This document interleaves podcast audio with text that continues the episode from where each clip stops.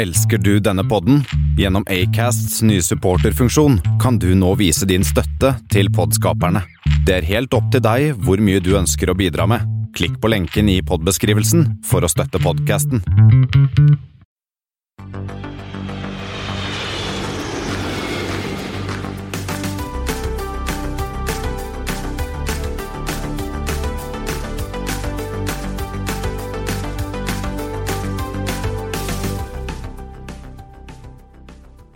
Hei og velkommen til Flypoddens Flight 76.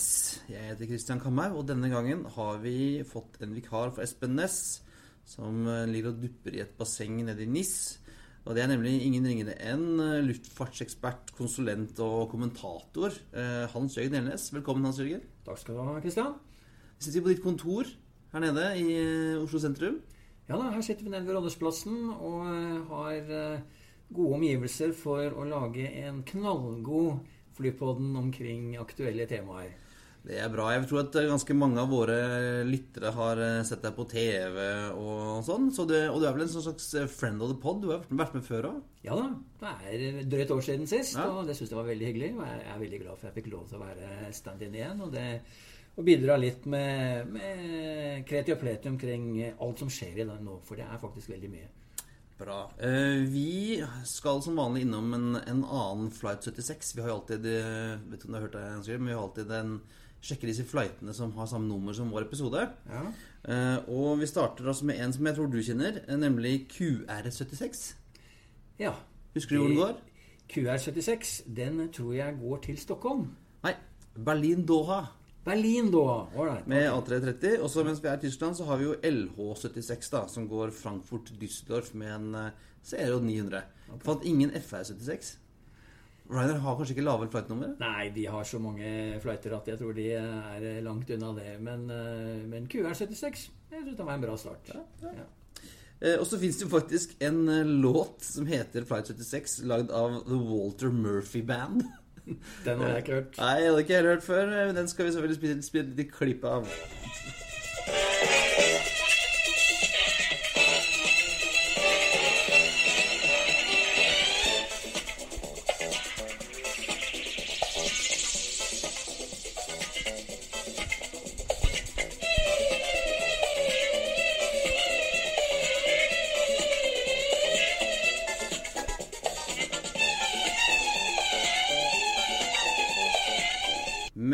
Men Hans Jørgen, vi skal jo snakke om det som er aktuelt i luftfartsverdenen, og vi begynner på Island. Eh, For der skjer ting med Wow Air. Og Wow Air er jo sånn derre ja, recurring theme i Flypoden. Vi har snakket mye om Wow Eh, Og er vi nå på eh, gjenopplevelsesforsøk nummer tre, eller er vi på fire? Ja, altså, jeg syns ingenting er umulig. eh, men at Woware skulle på en måte komme tilbake igjen etter at de gikk eh, konkurs her i eh, slutten av mars, eh, det var eh, forholdsvis stor overraskelse også fra meg som følger, eh, følger, har fulgt Woware ganske tett. Men eh, som sagt, islendinger de gir seg aldri. Eh, Og nå har du fått hjelp fra, fra en, eh, en amerikaner òg. Ja, nå har de fått hjelp av en amerikansk forretningsdame, eh, Michelle Ballerini, nå i den dur. Ja, som har vel eh, Vi har prøvd å finne litt ut av henne, men hun har liksom litt broket fortid. Men så i luftfarten ikke så veldig kjent. Jeg hadde aldri, hørt, om, ukjent, aldri hørt om eh, hun eh, og selskapet hennes før det plutselig dukket opp på en pressekonferanse her i, eh, i forrige uke oppe i Reykjavik om at de hadde tenkt å investere eh, 86 millioner dollar, var det ikke det? Ja. 85-86 millioner dollar. Tillegg, også, og det tror jeg nok er i tillegg til at et selskap som eh, Hun har kontrollerer nå 49% av Wower gjennom et islandsk selskap. Og det er jo det maks et, et eh, ikke-EU- eller EFTA-land-selskap kan gjøre av europeisk transportflyselskap. Så um, ja. Og, og jeg har lest at, at de starter med to A320 Neoer. Eh, mellom, og så skal de flyr Reykjavik Dulles først. Og noen fraktkjerrer. De skal vel fly eh, De må satse på begge deler, tror jeg. Altså, altså De skal ha laks i, eh, i buken og eh, passasjerer i setene. Og så skal de jo servere ikke laksen, men de skal jo tydeligvis servere Michelin-meny om bord. Og det er jo nytt, eh, hvis vi tenker på hva, hva Wower står for som et ultralavprisselskap. Eh, det blir spennende å se hvordan den kombinasjonen blir. Altså, Jeg har også hørt gratis drikke og lounge på Reykjavik og, og Michelin-mat på Ultra Low Cost Carrier. Det ligner litt på Fly Nonstop, dette her. er Ikke det? Ja, det, det ligner på en, en, en business case som, eh, som egentlig ikke har eh, livets rett. Men, men eh, 85 millioner eh, dollar, det varer jo en stund. Og så får vi jo se hvordan det går underveis. Ja, og så skal det jo visstnok starte flyvninger allerede den neste måned, i oktober, har jeg sett. Ja, de sier så. Men de har ikke, de har ikke noe til salg. Ikke har jeg sett noe til salg. Eh, Eller noe ruteopplegg. Bortsett fra. Dulles til eh, Reykjavik, vet vi om. Nei, jeg vet ikke om jeg har sett noe fly heller, egentlig, som, eh, som de har. Og tydeligvis har de tenkt å bruke også fly som da har denne Wower hadde jo en, en, en knall Veldig, veldig, de var jo veldig lilla- fine. Ja, ja, altså, du så jo de. Spesielt når de fløy på nattflighter eh, oppe i høyden der. Nei, men De var jo et veldig slogan på, på bakken. Så, så brandet Wow, det tror jeg er, er godt, uh, godt etablert. Men jeg tror jeg, jeg vet ikke om det er noen av lytterne dine som faktisk har Wow. Jeg har ikke gjort det. Det skulle jeg gjerne ha gjort. Men, men Ja, får sjansen igjen, da. de, kanskje. De, de leverte jo ikke så veldig mye annet enn veldig lave priser. Det var dårlig regularitet, det var dårlig punktlighet, det var mye problem. Men, men det viser, da, ja, som et selskap som Ultralocos, som, som Wow, når prisen er lav nok, så er markedet med nesten uansett. Men dette her vi ser på nå, med Michelin-meny og loungeadgang og fri drikke, sier du om bord, og fri drikke til islendinger om bord, det blir betyr jo mye mye spetakkel eh, om bord, eh, tror jeg også. Men, eh, men nok om det. Men, men det høres ut som en, en, en, en businessplan som kommer til å koste mye. Å starte med ett til to fly er også veldig komplisert. Å starte så low, low scale. Ja, og jeg hørte, det var en podkast jeg hørte i dag hvor de snakket om at måten de skulle gå, få at jeg går gå rundt på, var at passasjerene måtte bære fisken om bord selv. Da skulle det funke, mente de. Ja, ikke sant? Det der carrier on fish. Nei, så det, er- altså, Ideen med å ha fisk i, som, som, eh, som i, i magen på flyet, i, i bagasjen på flyet, det er jo veldig smart. For at det er greit betalt. Og i denne type fly, sånn Airbus 320 som de sannsynligvis skal bruke, der passer sånne laksekasser veldig godt inn. Og du får dytta en Det er bare containeren rett inn. ja, så, så det, det er supert på de, så for all del. Det er, eh, det er bra, bra deal, det. Men du må ha passasjerer som betaler for dette her. Eh, Og de skal jo stole på et selskap som, som på en måte står opp av asken igjen, og som hadde en ganske Drukket til slutt. Jeg vet ikke om vi skal ta ett sekund om det. Eh, selskapet gikk jo egentlig konk tidlig en torsdag morgen. Men selv etter at uh, meldingen til børs og alt mulig var sendt ut, så, var det bare, så kunne du bestille billetter, og, og hvor, de, hvor de gikk igjen. Så det, det, altså det var en, en veldig spesiell konkurs som, uh, hvor vi gjorde. Det er mange som fikk problemer etter det. Og det, det spørs da hva har, hva har det gjort med merkevaren? Klarer den å reise seg basert på den type eierskap som vi ser nå? Ja, men det, for det skal jo godt gjort å komme tilbake igjen. Eastern har jo kommet tilbake sju ganger, tror jeg. Eh, og Panam har jo prøvd et par ganger. Eh, Jet Airways kommer jo aldri av gårde igjen. Uh, så du som sier, det har noe med Kan folk stole på dette selskapet igjen? Uh, du, altså, jeg hadde aldri turt å kjøpe en billett på, på Wow sånn mer enn eh, seks uker fram i tid, i hvert fall. I hvert fall ikke på annet enn kredittkort. det sånn. Eh, og, og nå har jo ikke de Du ser på en, en, et selskap som stadig overlever, det er Alitalia. Men det har jo alle italienske, myndigheter- eh, har brukt eh, 10 milliarder dollar eller euro på det. Men det er klart, eh, når du kjøper en billett med kredittkort og det er jo viktig også det, det, at folk vet. Da har du en sikkerhet eh, for dette her. Og det er bl.a. noe vi skal snakke senere i dag, som Norwegian får virkelig føle hvordan, hvordan kredittkortselskapene kan ta styring på, på, på cashflowen. Og det bringer oss tilbake igjen. Hvordan vil det være med et selskap som Wower, eh, Christian, når du skal betale med kredittkort? Vil du vil de i hele tatt få noe cashflow fra kredittkortstederne da? Tror du det? De vil sitte og sitte holde godt på de penga der, ja. Norwegian, så vidt jeg vet, sånn tallmessig sett, sitter, har de sittet opp til 70 av uh, kredittkortsalget. Har kredittkortskantene sittet på nesten til fly, flyreisen eller fly... Fordi de er, vi er sikre på, på å beholde pengene. Ja, Mm. og da vil, eh, vil selskapet som Wow må jo være kommet i en, en mye mer komplisert situasjon der. Og det, da blir det, da er det, må du ha egenkapital til å kunne ha nok cashflow til å, til å drive selskapet. Så Troy, tommel opp, tommel ned. Woware, lykke til. Ja, jeg, tror blir, jeg, jeg tror dette kommer til å bli toppslug. Og vi får se. Men jeg, jeg, vi er alltid åpne for uh, nye, spennende ideer, så vi, vi, håper det går bra. Men uh, jeg vil ikke satt noe penger på det. Nei. Men uh, vi hopper videre nå til EasyJet. Som visstnok, i hvert fall ifølge Irish Examiner, skal være litt i spill. Det er snakk om et oppkjøp. Hvem kan tilføre til, tilfelle være de som kommer til å kjøpe Europas tredje største lavprisselskap, tror du, Hans Jørgen? Er det, er det en annen aktør, eller er det snakk om finansielle investorer tror du, som kommer inn og tar over? Hvis, hvis det er sånn at selskapet er til salgs, da.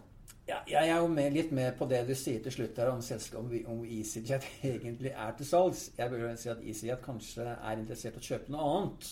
Fordi de er i markedet for å funde rundt 3 milliarder pund, hvor de har fått en god del allerede.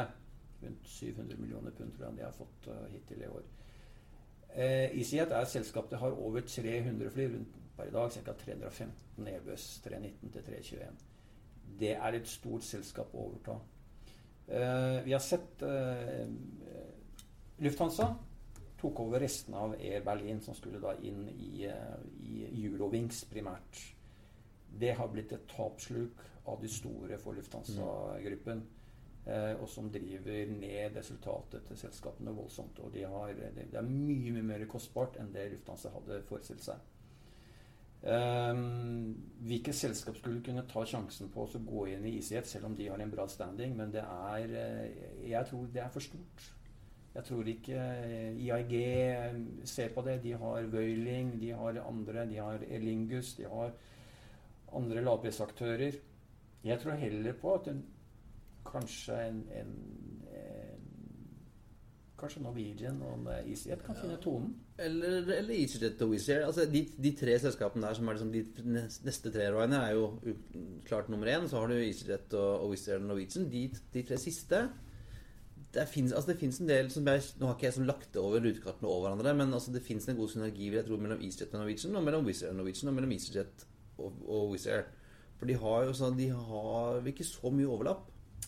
I utgangspunktet du ser på EasyJet og Wizz Air, de er kanskje, hvis du ser sånn overlappmessig sett, kanskje den beste konstellasjonen. For da har du EasyJet som er heavy i Vest-Tyskland, nei, Vest-Europa, og så har du Wizz som er tunge i Øst-Europa. Og ja. sammen så har de som hele Europa. Ja, så, så, det ville være det. Men jeg tror eh, eierne av, hovedeierne av Wizz Air, som er eh, et amerikansk altså Indigo, Indigo, Partners. Indigo Partners jeg tror de ikke har noen planer om å gjøre noe med det. De har jo flere hundre fly på bestilling.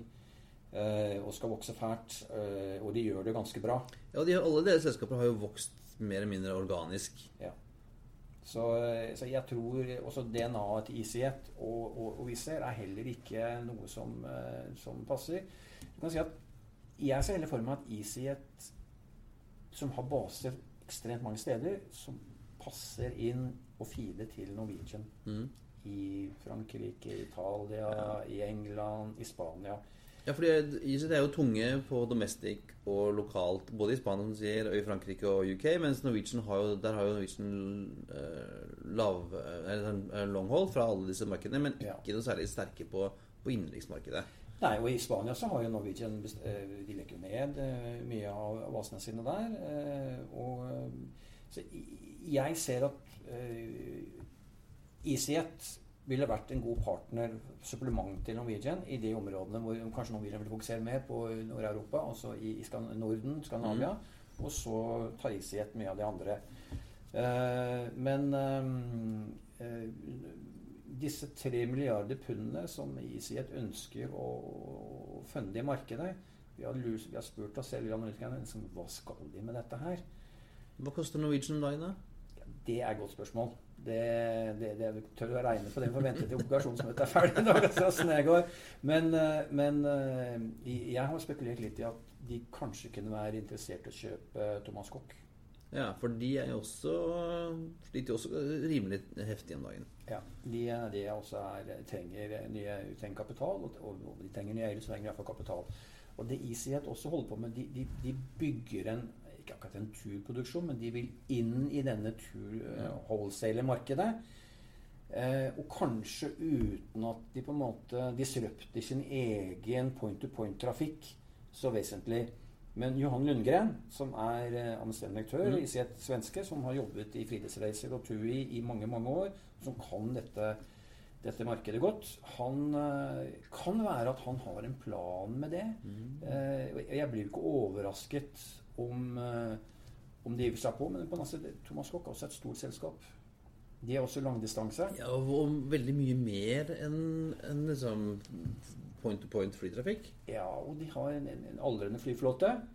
Eh, Og, og da, hvis du tenker igjen det vi snakket om tidligere, om at Air Berlin gikk inn i Air Eurowings og så de, de ekstreme ekstrakostnadene som har ballet på seg her Tør man ta sjansen på å gå inn i et selskap som på en måte er skakkjørt finansielt eh, av den størrelsen?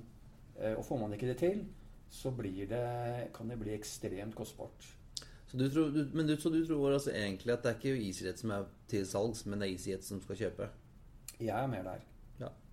Vi får se. Interessant. Eh, For det hadde ikke Altså, hvem andre kunne få lov altså, Det er så som du sier, det er på stort. da. Jeg ville tro at det var veldig få som kunne få lov til å kjøpe. IAG fikk jo, ville ikke fått lov til å kjøpe. Eh, E-Fransk KLM altså, Det hadde jo vært et, et, mareritt å integrere de to selskapene. Lufthansa også. altså Jeg tror ikke de store nettverksselskapene som du har nevnt her nå, og, og heller ikke altså KLM Air France, de, eh, de har noen andre De har Transavia, de har noe annet. Eh, Jeg tror de har nok med på en måte å rydde opp sjøl. Og skal du gå inn og så overta et så stort selskap, eh, liksom, hvilken synergi ville det på en måte gi til, eh, til disse to selskapene på den type drift som, eh, som ICJ har? Og, og Air prøvde seg jo med dette Jon. mm, Det June, eller hvordan var det, ja, eh, selskapet som, som, som ble en fiasko. Eh, så jeg tror kanskje de, de, de, disse to selskapene med den nye sjefen Bill Smith, de eh, velger å bli ved sin lest, altså være det de er, og De ikke har jo utfordre. nok med Ja. sine egne problemer, om Ja. de skal sånn, ta på noe annet. Så nei, vi, det er veldig, veldig veldig spennende. Også, jeg, vi, vi får følge litt med på EasyJet. Har liksom vært liksom litt under radaren, tenker jeg, syns jeg, lenge. Ryanair har gjort siden Kanskje kan det være fordi at vi har ikke sett dem så mye her. Nå er de jo både på Vestlandet og på Oslo. Eh, Så ja, følg litt med. Men du kan si, før du avslutter helt, du snakket finansielle investorer. Vi var ikke inne på det. og tenkte vi skulle avslutte med den biten. fordi at det også følger med og er, er i kontakt med store internasjonale aktører. og- Og interessen for å investere i luftfart, den er stigende. Og når vi vet at aksjekursene på de fleste de lavprisselskapene i Europa de er ned 40-60% siste 12-15-18 månedene, så det er klart at det er en mulighet for aktører som er vel, velkapitalisert, til å kjøpe seg inn i disse selskapene uten at du går inn og gjør en funksjon, eller at et annet flyselskap kommer inn. Det kan være en prosess. Og det var nylig en Så det nå i Canada, Monex. ja, akkurat. Hvor, hvor de betalte Var det 4 milliarder, 3,5 eller 4 milliarder dollar x gjeld? Mm. Det er mye. Det var et stort Vestia, det er et stort selskap, men det viser da at kapitalfond er interessert i å, og ser eh, at luftfarten har en fremtid. Ja, men I dag har vi 4,9-4,5 milliard passasjerer som flyr. Om 10-15 år så er det dobla. Det er klart at det er en vekst her, Mm. selv om det er mye miljøaspekter som kommer frem. Så investorer er nok interessert i å se på eh, Så jeg tror at kommer det et oppkjøp av ICET, så er det en investorer som kommer inn. Ja. Mm. Eh, og vi var jo litt sånn inne på det med, med, med EasyJet er på Oslo, men de flyr ikke til London. Nei. Og, og det er kanskje bra for dem, for nå er det altså, fem selskaper som flyr Oslo-London. Ja. Vi har BA og SAS som flyr til Heathrow. Eh, og så har du Norwegian flyr til Gatwick. Mm. Og så har vi eh, dine gamle venner i Ryanair som flyr til Stansted. Og så har vi jaggu meg fått, fått Wizz som flyr til Luton, av alle steder. Ja. Eh, mangler bare Southampton og, og City, så vi, som har vi hele. Ja, så jeg tror det er ca. 6000 seter, kapasitet, setekapasitet daglig, altså i begge retninger. Eh, hvis det er mellom 30 og 35 ruter. Og det er klart at det er mye. Uh. Selv om London er liksom Det er jo like vanlig i London som bare ta en tur til Maurstad, omtrent. For, I hvert fall for oss i Oslo. Jo, jo, du kan si at det er det. Og du kan si at når lavprisselskapene kommer inn, så, og det kommer inn flere i, i, i slengen her, så, så, går prisene ned. Og når prisene går ned, så driver du markedet. Så du kan se at eh, selv om jeg ikke skulle tro at du kunne Ryanair og andre kunne fylle opp flyene sine, så går de nesten smekk fulle hele tida. Men eh, om de tjener særlig penger på rutene sine, det er et annet spørsmål. Nei, for det er jo et spørsmål om pris òg. Det er jo ikke noe vanskelig å selge billetter til en krone. Nei. Men det er vanskelig å drive business på en, på en krone per billett når du skal betale avgifter og, og alt mulig. Ja, Det er jo klart at du har avgift her hjemme i Norge, har flypassasjeravgift, og så har du en air passenger duty som du betaler borti i, i UK. Og Legger du sammen dette her, så, så overgår jo dette her to mer enn den tur-retur-prisen som enkelte flyselskapene tar på tider av året. Uh, og Wizz Air de, de, skal jo begynne å fly på Luton. Og det Er ikke det langt ute i Goka? Altså, Luton har en god eier, noe som heter Manchester Airport Group, um, kinesere. Og de har investert veldig mye i å oppgradere Luton flyplass. Og den har blitt ganske bra. Og nå har de også fått uh, en sånn togconnecting. Ja, Så du kan komme deg inn til byen? Ja, men du må bytte tog. Du, mm. må, du må connecte da ved Luton stasjon uh, med British Rail. Så det er ikke like convenient som f.eks. på Gatwick og Stansted, hvor du bare gå rett fra terminalen. Så har du én togtur, så er du inne i, i, i City i, i, England. Og sånn tilsvarende også fra Heathrow, selvfølgelig. Så, så, det har liksom vært avbrudd med Luton, er at den du må ha denne her, enten ta buss inn til byen, eller så må du han måtte ha en buss inn til den togstasjonen. Så nå har de investert i det, så får vi se om det funker bedre. Men flyplassen er, er grei. Men det har aldri vært en populær destinasjon for uh, for, eh, for nordmenn. Og jeg, når jeg var i Ryanair, så fløy vi fra København til uh, Luton. Det var heller ikke noen, uh, ble ikke noen suksess, så det måtte skifte til, til Stansted. Ja, og, um, så, og sånn til, 6000 seter om dagen. Eh, og altså, London er jo en superpopulær destinasjon. Mm. Men altså, something's gotta give. Hvem, hvem tror du går, trekker seg først ut? Eller er det sånn, dette er, blir det sånn prestisje at ingen skal gi seg på tørre møkka her sånn? Jeg tror det blir det. Jeg, tror, jeg, tror, jeg tror, at uh, La oss ta de, de lavprisaktørene, de store, altså Wizz Air og Ryanair. De er mer og mer uh, er i duell. Uh, og nå kommer jo Wizz Air kommer litt forsiktig inn. Det er jo ikke noe sånn voldsom kapasitet. Det er vel en, et par flighter om dagen til å begynne med. Men, men, det er klart at jeg tror ingen av de kommer til å gi seg. Og de har råd til å stå dette her ut. Så så det spørsmålet er liksom Får det innflytelse på gjennomsnittsprisene til, til SAS, British Airways og Norwegian? Norwegian har mye skidetrafikk som skal videre ut i verden, så det går greit. ja, den kom, den, altså Gatwick Oslo kunne de ha solgt med tap lenge, for skal, de skal jo fylle opp. Ja. Så, eh, så, så vi, vi, får se. Jeg tror den, den krigen kommer i utgangspunktet til å være mellom, eh, mellom Ryanair og Wizz Air.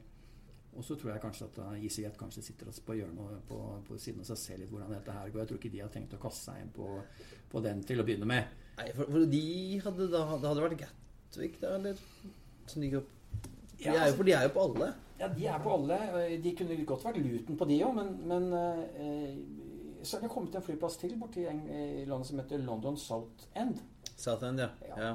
Uh, og der uh, er det også noen som bygger seg opp. Uh, men igjen, sant, det er litt der er det også bra å komme ut inn til byen. Men spørsmålet er liksom Skal du bygge opp en ny flyplass òg, som ikke folk kjenner til, og starte opp ruter der? Det tror jeg tar enda lengre tid. Så man må nok Jeg tror nok at Wizz Air og Ryanair de slår han ut. Og så får vi bare se. Og så får vi bare glede seg med lave priser og gode ruter til London. Så får vi se hvor lenge det går. Ja. Jeg savner, jeg savner London City. Ja, det syns jeg var en fantastisk eh, convenient flyplass å komme inn til. Forferdelig å reise fra fordi at den er så trang. trang. Men altså, det, det, var jo inne i sentrum på null tid når du lander der. Det er klart det, men altså, London City er en kostbar flyplass å, å lande på. Altså, det, altså, avgiftene for å operere på flyplassen er høye, og det er en grunn til det. Fordi de som flyr dit, er betalingsvillige. Da kan du ta deg bedre betalt som flyplasseier. Men så må du også ha litt spesielle fly for å kunne lande, for det er kort rullebane. Eh, og det har noe med støy Og det er også er det noe med noen kraner, og du må ha sånn steep approach og, Ja, og litt ja. sånn forskjellig. Ja, så, så det, er ikke for, det er ikke alle typer fly som kan lande der, og derfor så blir det begrenset. Og så blir det også da kostbart å fly der, og de som flyr der, kan ta ut høye priser. Jeg tror, og du korrigerer meg om jeg husker feil nå, men jeg lurer på om ikke Widerøe Fløy ikke de på London City Airport? Nei, jeg husker jeg jobba der, så vurderte vi det. Men Ja. akkurat pga. at vi måtte ha veldig sånn steep takeoff, så kunne vi Vi kunne fløyet med Q400, Akkurat. men vi måtte blokke ti seter. Og da forsvant Da, da røyk regnestykket. Da ser du. ikke sant? Sånn, ti seter. Så kan du ikke regne det hjem. På, selv om du kanskje kunne ta ut høy pris, så er det viser hvor kostbart det er å operere på den flyplassen. Da er det jo vel eh, er vel snakk om at A220 skal kunne sertifiseres. Og en E2 skal vel også, er også sertifisert. Så kanskje videre kommer tilbake igjen. Kanskje Og har det. jo sjansen med større maskin. Så ja. ja altså, en, vi, vi trenger en rute til videre, så kan vi slenge på, slenge på en rute til London City. Så vi har som seks å velge mellom. Ja, og Det ser ikke ut som at Flyskam eh, eh, har noen særlig innvirkning på London-trafikken. Eh, Hans Jørgen. Men i Sverige så er det Vi så dette tidligere i sommer. I juni begynte det. Kom det i juli, så tenkte vi at nei, men det er sommeren og vanskelig. Men i august så er jo da innenrikstrafikken til Svedavia ned 10% Og selv om svenskekrona er dårlig, og, og økonomien er sånn bob-bob, så altså, det er ikke noe som tilsier at man skal gå ned så mye. Annet enn denne flyskammen, da. Altså jeg har prøvd å se litt ja, på, ja. På, på, tallene her, og, og, og det har vært eh, en god del media omkring akkurat det med fordi at man legger det på flyskam. Og i Sverige så, så tror jeg faktisk at Flyskam og Greta Thunberg de eh, må ta en del av ansvaret for denne nedgangen på innenrikstrafikken. Um, og jeg så litt, dykka litt dypere inn i tallene, bare liksom for, for de som hører på, som får med seg dette. her, klart, I august så var altså eh, Arlanda, innenlandstrafikken var ned 11 Göteborg 15% Malmö ned 10% og Bromma, den andre lille flyplassen i Stockholm, er ned, er ned mm, 9% Og det, det er mye. Og eh, bare prøve å illustrere litt hvordan dette slår ut. Altså på, hittil i år så er det ca. 800 000 færre innenlandspassasjerer på Svedavia sine flyplasser i Sverige. Og eh, regner på året så blir det rundt 1,2 millioner. Det tilsvarer altså totaltrafikken til SAS mellom Stockholm Arlanda, Göteborg Landvetter. 11 fly om dagen hver dag 365 dager. Altså ett år. Det er, det er mye. Det er mye, borte, mye trafikk som er borte. Ja, og et, et, Samme som for Vigra lufthavn på Avinor sin lufthavn på Vigra. Totaltrafikken til dem på ett år blir borte altså i Sverige innenlands de siste, hvis det fortsetter sånn, bare i 2019. Men du var inne, du var inne på det. Du, du så altså Bromma var ned, uh, Göteborg var ned, Malmö var ned, og uh, det kan jo se ut som at den verste av denne flyskammen rammer vel bra. Nå har jo nå har de sagt at de skal ikke få A220-ene, og de skal selge alle de gamle Avroene. Eh, noe sier meg at det der butikken til eh, Bråten ikke går så innmari bra. For SAS sier jo at de har ikke merket noe særlig på reduksjon på, norsk, på svensk innenriks. Nei, De sier at det, det er flott uh, innenriks. Og det er, eh, de rapporterer også tall, in, altså domestic tall for Norge, Sverige og Danmark konsolidert. da. Og de er flate. Det er ikke En bitte liten oppgang, muligens, men det, er som ikke, det, det ser ikke ut som det har fått noe særlig juling. Men det er noen som har mista disse passasjerene her. Og, og, og som du sier, så Norwegian har jo en noe svensk innenrikstrafikk, men den er jo ikke så stor. De har noen få ruter, kan du si. Ta det- og Stockholm-Göteborg, så har de også noen få ruter der på dagen. To-tre ruter i snitt. Så de, de har en begrenset produksjon der. Så, eh, så man kan spørre seg selv hvor har disse passasjerene blitt av?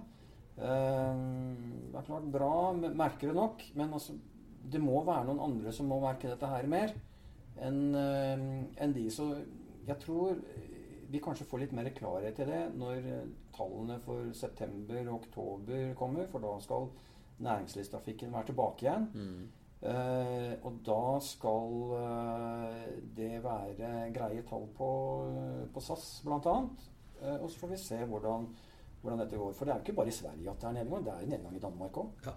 Eh, Nå sier DAT sier at ikke de har merket noe særlig, men, men, det fin, men du fant en nedgang på danske innenlandstrafikken, du? Ja, ja, ja. Det Nei, var Nå er ikke den så stor, da, men eh, Den var eh, på årsbasis, altså eh, januar til, eh, til eh, august, er den på 6,8% på Kastrup. mm. Um, det er litt vanskelig å regne sånn to totalt for Danmark, men på Kastrup, som er liksom hoved, eh, hovedflyplassen for det, og i Svedavia så var den ned 9% Så det er jo ikke så stor forskjell på, på det. Så det er klart at uh, der har det også vært noen nedgang i, i flybevegelser. Men det jeg tror ligger I Danmark så er det ikke flyskam som ligger bak. Der er det rett og slett det er kanskje prisnivå, pluss at man går fra fly til, til eh, tog og buss, som er connecter altså Jylland og, og Københavnsområdet bedre uh, enn kanskje med fly. Det blir spennende å se septembertallene, fordi at jeg, sånn som jeg har sånn, tolker litt, prater litt med folk og hører ting, så, så virker det som at det er først og fremst leisure-trafikken innenriks som, som rammes av flyskammen. Når det gjelder business-trafikken, så har det jo lenge vært begrensninger på trafikk. Altså, det er jo ikke den samme volumene som det har vært. Fordi at, fordi at man kan, man kan video, ha videokonferanser. Alle bedriftene har jo altså de siste ti årene satt begrensninger på på reising. Telia har jo satt, satt uh, forbud egentlig mot, mot reising lenge. Uh, både av økonomiske årsaker og av, av bærekraftsårsaker. Så det kan være at det er, den, og det er den som er størst nå på sommermånedene. Men uh, september blir spennende på, for Sverige. Det er helt klart, og, og du kan si at det vi også vet i Sverige, er at, at bedrifter har nå innført nye typer reisepolicyer innenlands, hvor, hvor eh, fly ikke skal benyttes eh, hvis det finnes annen trafikk eh, eller mulighet til å komme seg av gårde på. Og det, det er litt altså, et alvorlig si, tegn for, for innenlandstrafikkoperatørene i Sverige. Særlig på disse trømkerutene altså type Göteborg og Malmö, hvor det er bra feeds, så skal det ikke mye til da, før, før dette her blir borte. Nei, og de har jo et litt annet, litt annet, eh, litt annen eh, infrastruktur i Sverige med, med, den, med gode, raske togforbindelser mellom eh, Stockholm og Göteborg. Så hvor fly jo er et alternativ, eh, egentlig. Eh, ikke fullt så godt alternativ f.eks. Oslo-Stockholm eller Oslo til Stavanger, Trondheim, Bergen. Det tar jo det tar jo lang tid. Ja, og Det ser vi på tallene til Avinor. altså der er Innenlandstrafikken er jo det er altså flat. Det er en, er en eh, hittil i år, altså eh, i, august, i januar til august, er det en nedgang på innenlandstrafikken på 0,7% Det er nesten ingenting. Utenlandstrafikken er opp eh, et par prosent, så det, det er liksom ikke noe store utslag for Avinor. Men, men ja, vi vil ikke få sånn Bergen, Stavanger, Trondheim Kapasiteten på togene vil ikke øke så mye mer. Du har ikke mer nattog med overplasser som kan ta den trafikken her. Så Norge er eh, topografisk sett eh, avhengig av fly. Så jeg, men det- er klart at hvis selskapene drar ned på kapasiteten sin, øker prisene, så, så vil det også treffe da det du sa i sted, det er ferie- og fritidsmarkedet. Mens næringslivet vil, eh, vil fortsette å fly til høyere priser. Men så blir også den, den, den eh, litt sånn besøkstrafikken blir mer borte. Eh, og det slår jo ut. Det slår ut på mange andre ting også.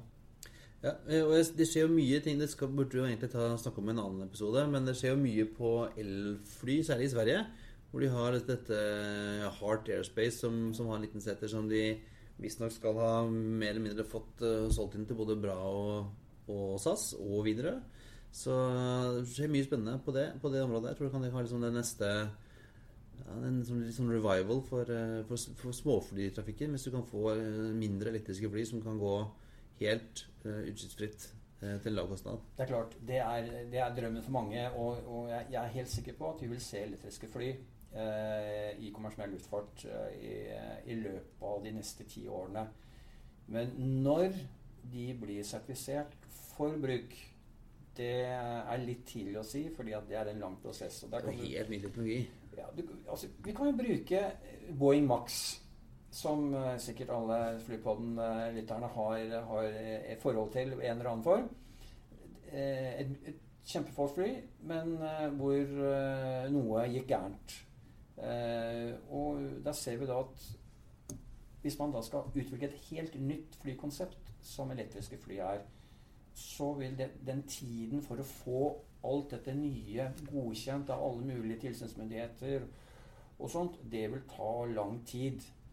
Eh, og så tror jeg også det er viktig å tenke på én ting at eh, småskalaproduksjon av fly Det er dyrt. Det er dyrt, det. Det er fryktelig dyrt. Eh, og da, mm, Derfor så tror jeg det er avhengig av noen av de store aktørene, altså Embraer, Airbus, Boeing eh, og de store teknologiprodusentene inn mot fly, de må bli med på dette her. Men at elektriske fly kommer, helt klart.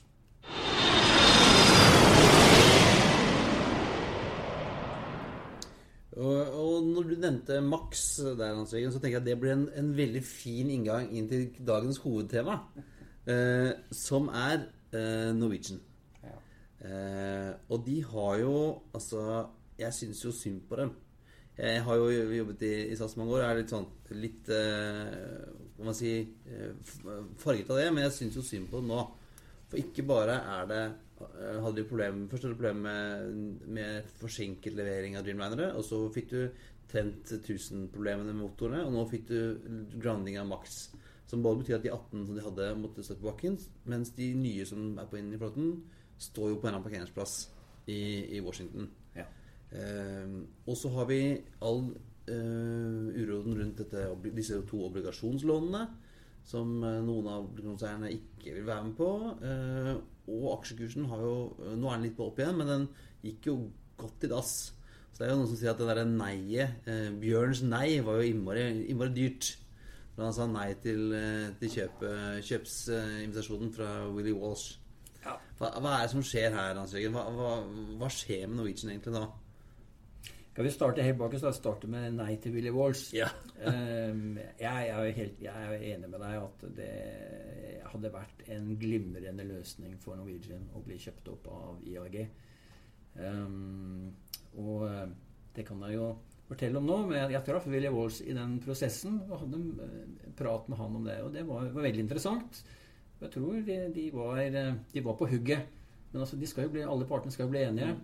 Men eh, en, en bedre eier enn IAG tror jeg, tror jeg ikke Norwegian eller noe annet flyselskap faktisk får. Og, og ikke minst Billy Walsh er en veldig hyggelig fyr. Men han er en tøff forretningsmann, Og det var, det var Bjørn Kjos også når han var sjefen i, i Norwegian.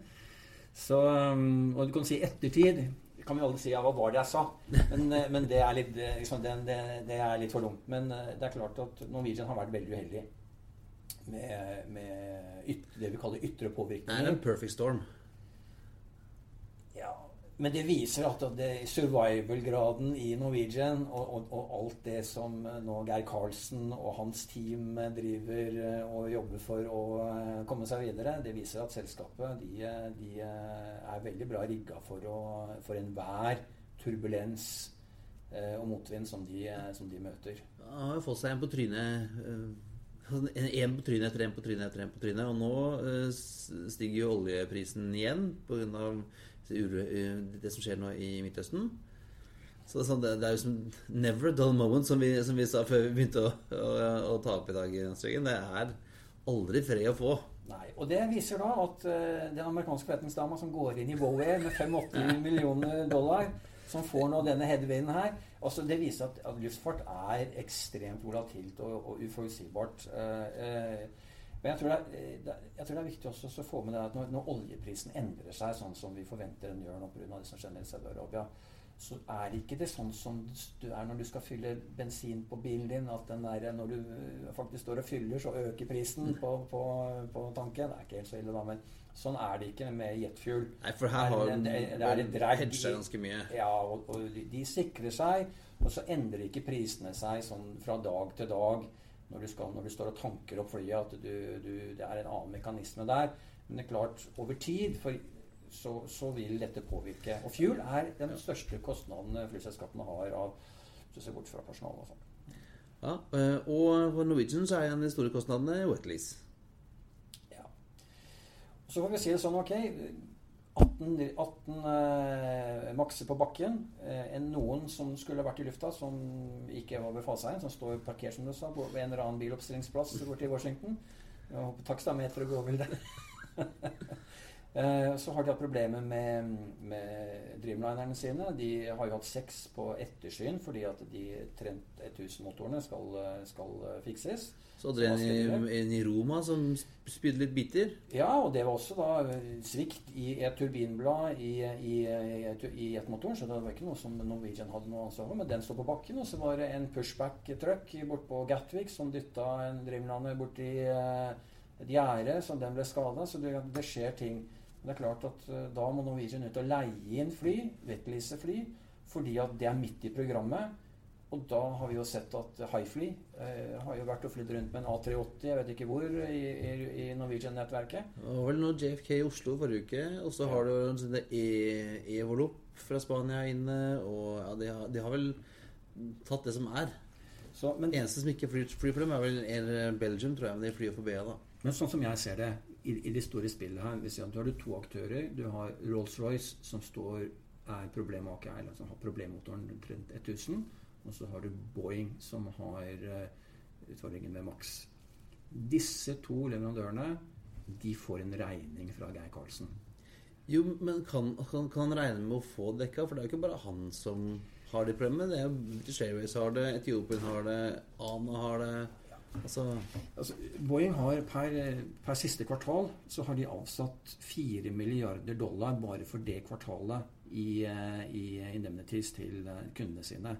Og nå er det et nytt kvartal til som har gått, og det ser ut som det går kanskje flere kvartal. og da, Hvis vi da legger på dette, her, så er det kanskje 4 milliarder i kvartalet. og Norwegian er eh, en av de ti de største mottakerne av Max, som har fått men med de som står på bakken også. Så det er klart at det blir et oppgjør der.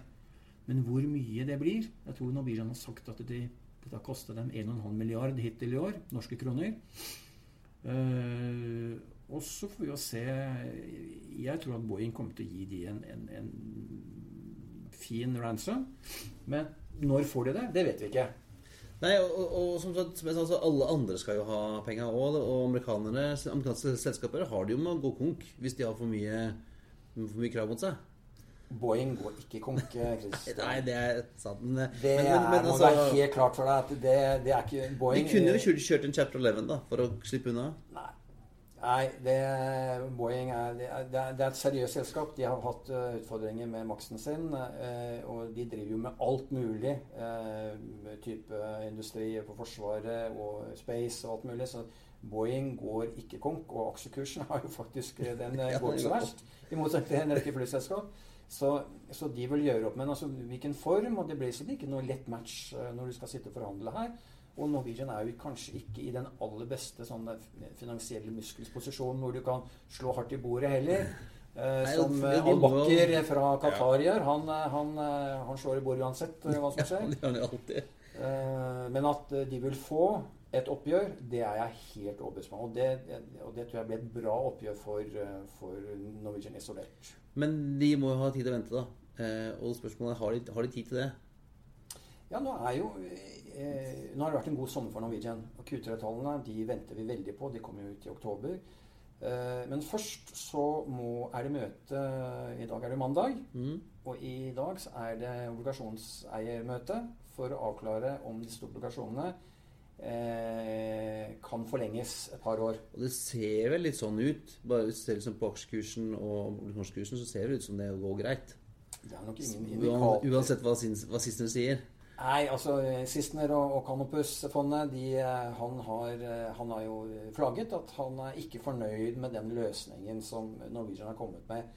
Uh, og det får han så han fritt til å gjøre, men han har ikke nok selv eierdel av dette fondet, eh, av den organisasjonen til å kunne stoppe det. Uh, og, og, signalene viser jo nå at det er flere som vil uh, støtte det eller gå mot det. Uh, og du kan si at hva er en slott verdt? Norwegian har jo stilt slott på Gatrix. Ja, for den er jo litt sånn den, den, har jeg ikke sett før. Den var litt ny. Måte å gjøre på. Det er det. Og jeg har heller ikke sett at man har brukt slott som, som, som sikkerhet for, for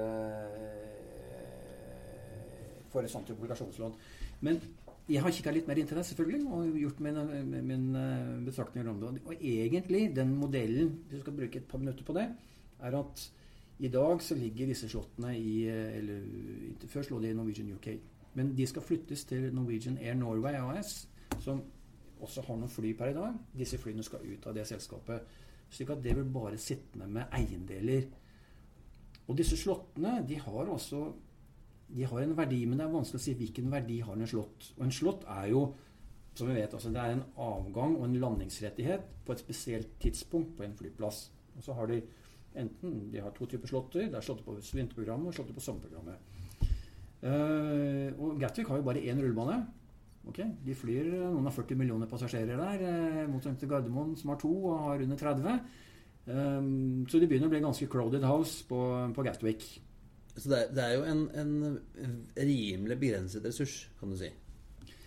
Ja, fordi at de prøver å gjøre noe på Gatwick. De prøvde også å få en rullebane til. Det har de fått nei til. Men så skal de asfaltere en sånn, de en sånn taxibane. Taxiveien, ja. ja, taxiveien, ja. Som de kan bruke til som reserverullebane. Men jeg tror den er litt begrenset operasjon, operasjonelt, slik at det er ikke alle typer fly som kan lande her. Så det sier for meg at disse slottene som Norwegian har, de har en verdi, og de vil ha Kanskje verdien vil øke etter hvert som press på, på, på London. Selv om øh, Jeg tror London er nesten et marked som alltid vil vokse. Ja. Uh, og det gjør at Norwegian er en bra situasjon. Og, og jeg har også kikka litt og sett på at det vært, har vært solgt og, og, og, gjort trader med, med slottet på Gatwick. Uh,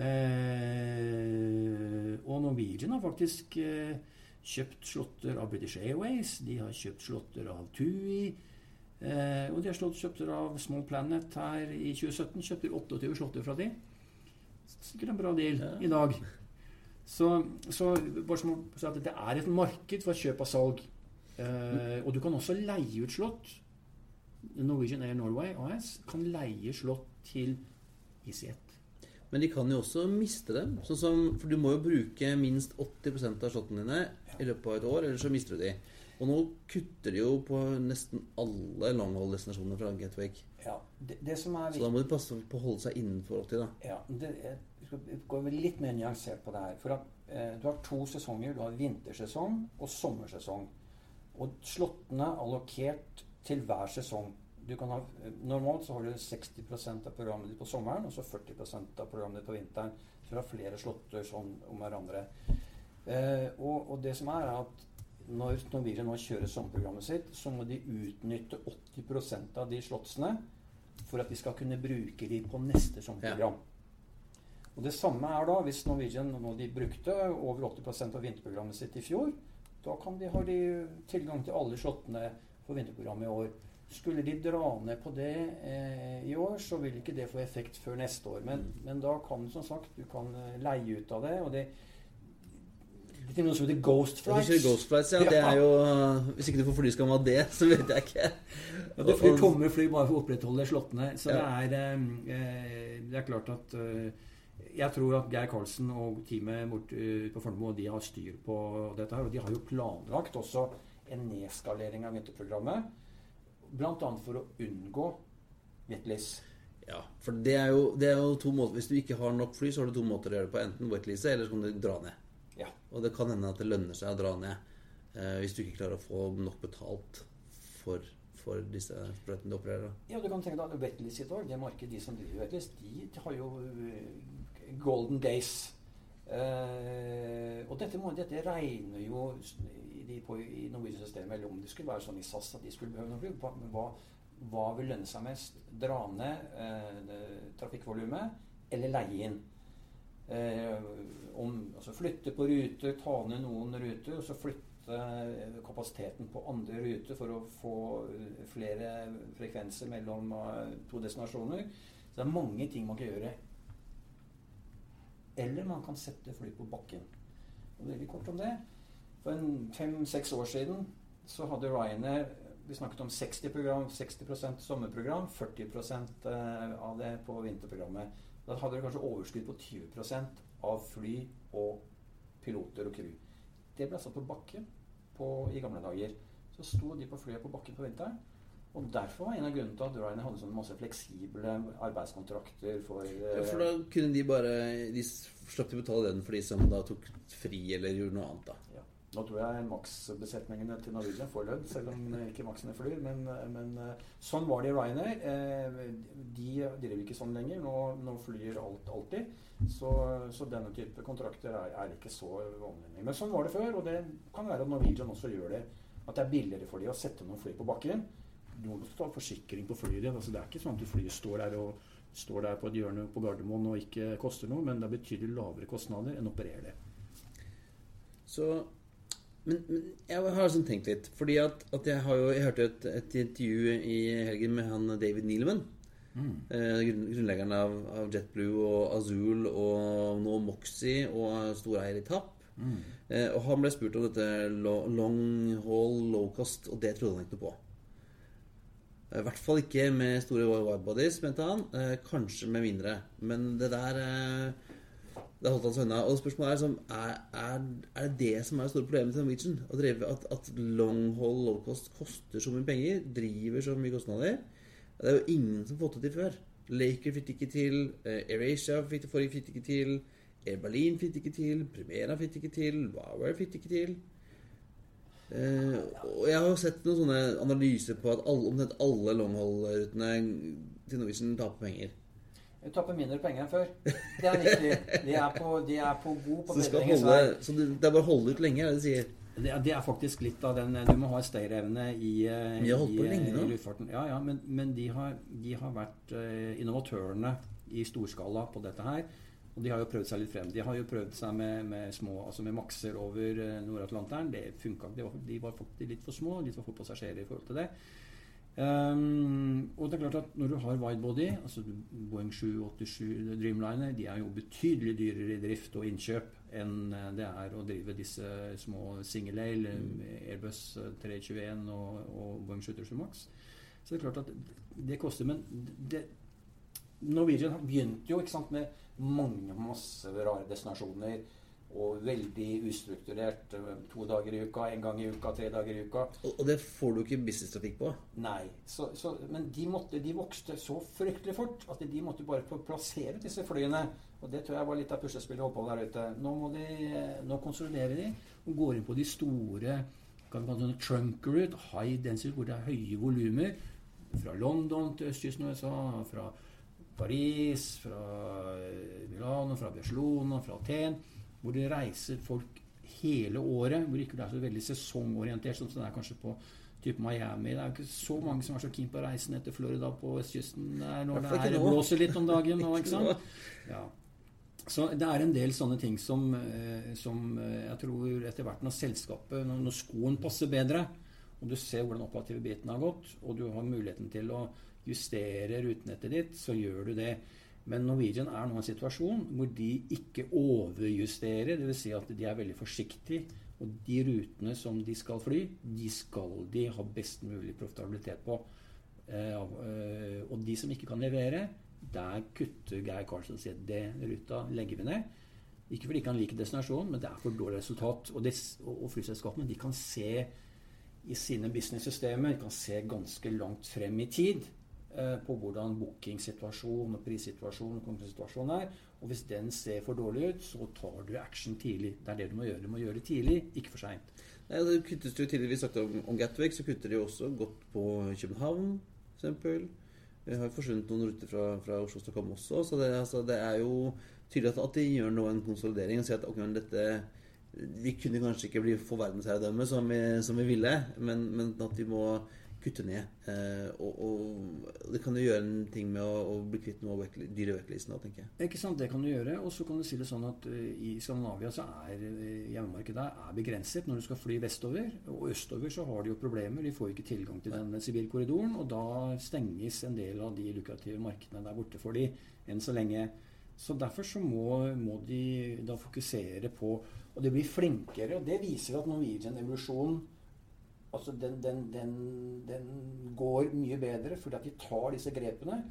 Men for kanskje mange av de som hører på sånn, så tror de at de må kutte ned fordi at de ikke har råd til å fly. Men dette er strategiske beslutninger som tas på bakgrunn av lønnsomhet. Og så er det jo hvor mange som, som, i, som i, i, kjølvannet av Norwegian ville prøve seg.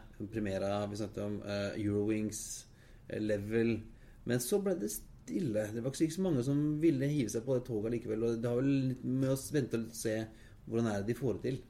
Eh, og det har jo vært litt sånn bumpy, kan du si. Ja, det har jo det. Og så kan du si at eh, amerikanerne kommer jo nå De, eh, de lurer jo litt på, på, på, på vestkysten, eller bort i USA, på, på, hvordan de skal kunne håndtere dette her. Og det er klart at Eurowings Det snakket vi tidligere i dag, så vi skal ikke bruke så tid på det nå, men, men de hadde problemer, på, problemer å bli integrert i Lufthansa-modellen, og det gjør at de ikke har fått det helt det som de skulle. Men det er klart at eh, Norwegian Det er derfor jeg tror Norwegian har et potensial, for de har klart å få dette til over tid. Selv om resultatene ikke har blitt så bra som kanskje mange har forespeilet seg, så er de på vei å komme dit nå. Men det tar tid å bygge opp denne type eh, trafikk. Men Tidligere så kan du si når du fløy Norwegian og du ble stuck i, i, New York Når kom du hjem? Du hadde ingen venner. Det, det, det, var vanskelig. Og det gjør jo da at du, du mister kanskje deler av segmentet av markedet som er villig til å betale en premie for å fly med fleksibilitet og hjelp, og som SAS kan ta ut, f.eks. Det er dit Norwegian er på vei nå, når de går daglig til de viktigste byene eh, i, eh, i, USA. Ja, for det kunne du også når de fløy sånn to ganger i uka til Vegas, så kunne man jo ikke, sånn som i, i Norwegian fikk jo hjelp i starten på, på shorthold. At man kunne ja, men da kjøper jeg Norwegian én veien, kjøper jeg SAS eller BA den andre veien. så her sånn, da, da, går det. Men du kunne jo ikke høre den samme Jeg tror andre fleste selskapene ikke kjører one ways på, på long haul. Så fikk du ikke den samme fleksibiliteten. Da måtte du enten velge den derre eh, Odda-gangen på Norwegian, så valgte du å fly med Lufthansa eller BA. Ja.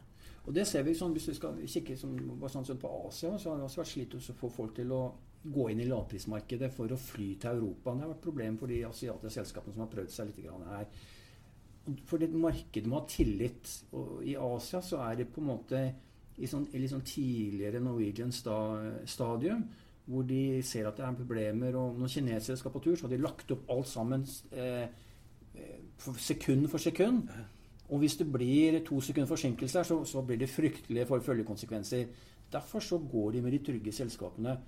Eh, og Norwegian har vært igjennom den prosessen, og de, de, er nå på vei til å bli et mye mer strukturert selskap. Og det skal de ha en avkastning på. Eh, og så får man jo da håpe at ikke det kommer flere sånne ytre påvirkninger som de ikke har kontroll over. Som, som gjør det vanskelig for markedet generelt, eller andre ting som, som kan påvirke driften til, til selskapet. Når det er presset på likviditet. Ja, det, så, Vi pleier ofte i Fripoden å komme med ting når vi spiller inn, og så skjer det ting et eh, par timer etterpå før vi har kommet på gata. Og, og de måtte jo møte i produksjonseieren til Norwegian i dag, så kan det hende at alt det vi har snakket om i dag, blir helt uaktuelt når vi kommer, kommer på lufta i løpet av plager. Hvis de sier nei Da er, da er det krise det er ikke bra. Uh, og, og, jeg har jeg har ikke sett egentlig på det scenarioet. Hva gjør de da? ikke sant? Norwegian kan gå ut og få et nytt obligasjonslån, men det koster fryktelig mye mer. Jo, det, det, er jo dyrere Jeg så at, at de betaler høyere rente på lånet nå enn, enn hvis du har eh, kredittkort i Bank Norwegian. Ja. Så, eh, så, det er ingen god løsning. Så det er men, men, sånn som jeg ser det, og det som jeg har fått med meg, så, så, så er stemningen positiv på obligasjonseierne. At de vil støtte eh, det forslaget som Norwegian kom med. Og det er et, et, sånn som jeg har sett på et bra forslag. Eh, og det gir da selskapet fred, arbeidsro, for å si det sånn, til å fortsette med den prosessen som de er inne i nå. Og det er viktig. Og så eh, kan du jo tenke på andre ting med dette med kredittkort, crunch og Ja, for det snakker vi litt også om at, at Kredittkortselskapene holder tilbake en god del penger. Uh, og det er vel fordi at de er redd for om Norwegian kan betale tilbake? Ja, I utgangspunktet så forstår jo vi det sånn at det er fordi at de, de anser at det er en risiko for at et kredittkortselskap som da eh, hvor du har, har, krav på å få levert den tjenesten som du har betalt for, at du skal reise fra eh, Gatwick til New York eh, i, i, desember, men betalt den i juni. Det har jo alltid vært det, sånn, det fine med flyselskapsfinanser, at de er jo veldig ligger jo veldig foran i, i cashen. Han For folk kjøper billetter eh, to måneder, tre måneder i forveien for produkter de skal få seinere. Så flyselskapene har hatt cash på forhånd. Men, men når, når kredittselskapene har opplevd gang på gang på gang da, at de har måttet betale tilbake penger til kunder etter en konkurs, så sitter de og holder på. Og da har du ikke den samme cashflowen som du var vant til før. da. Og spesielt kan man si at dette er på vinteren. Når, når eh, Vi vet jo alle at eh, det er massivt salg på flybilletter sånn fra slutten av desember, også i januar og ut i februar for, for, for neste sommer, eller sommeren. Og Det er jo også bl.a. for å skaffe selskapene cashflow i den harde vintersesongen hvor, hvor eh, volumene er mindre og kostnadene er nesten de samme. Og hvis da liksom, selskapene ikke får disse pengene på konto før ut i juni, så har jo vinter, snøen smelta, og, og, og, det er sol og sommer. Um, og, og, det gjør jo at uh, det er utfordrende for Norwegian på en måte å tenke på hvordan de skal, uh, hvordan de skal på en måte håndtere den situasjonen der. Uh, men, men, jeg har jo forstått det med, med, med, det jeg har hørt fra ledelsen i Norwegian, at de ønsker ikke de, de skal overhodet ikke komme i en sånn cash squeeze som de var i fjor, uh, siste kvartal i fjor, hvor, eh, hvor eh, det var tøft. Eh, hvor det begrenser selskapets moderniseringsrom eh, voldsomt. Men la oss si det sånn nå, nå blir det enighet i kveld med obligasjonseierne. Det lånet blir utsatt. Da tror jeg at Geir Karlsen og, og, teamet hans kan sette seg ned med kredittkortutstederne og snakke på bedre terms. Så vil de si OK, we, will, we want to see your three, Q3 results first. Altså De vil se tredjekvartalsresultatene og guidingen. Og De kommer nå i oktober. Mm. Og det, Hvis dette da er på plass og Helt nøkternt så vil jeg si det sånn hvis, hvis, hvis man visste i dag at det ville bli dårlig, så må du ta grep nå. Du kan ikke ta de grepene når det er dårlig. Mm. Og det forteller meg litt at jeg tror det blir ganske greit. Uh, og de fortsetter uh, sånn som de skal. Og da vil vi kunne diskutere dette med, med, med kredittkortutstederne på å få en bedre løsning. Det, det, hvis vi går tilbake til Wower hva skal de, Hvordan skulle de klare å håndtere kredittkort hvis det var sånn øh, hvilken, hvilken, Hvor mye skulle de sitte igjen med? Måtte de kanskje betale ekstra? Ja. Skjønner du? Nei, det, det, blir spennende å se. Og så er det bare å følge med. Nå er det jo den mandagen, og så kommer resultatet på Q3 i oktober. Så får vi se da om, det, om, det, om man skal kjøpe billetter til med Norwegian i januar eller ikke.